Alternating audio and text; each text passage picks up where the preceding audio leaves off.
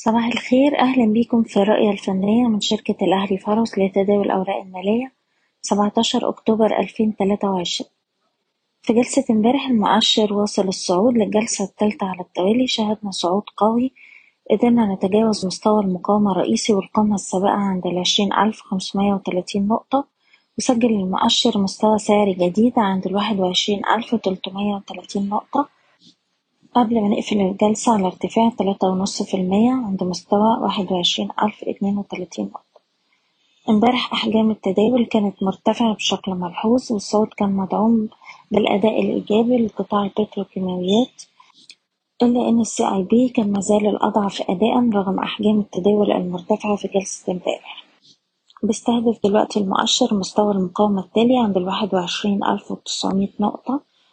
ومن الناحية التانية في حالة حدوث أي عمليات جني أرباح أو المستوى ده ما هيكون عند العشرين ألف وسبعمية يعني مستوى العشرين ألف وتلتمية.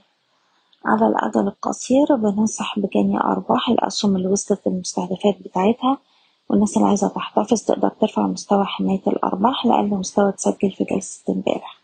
بشكركم بتمنى لكم التوفيق.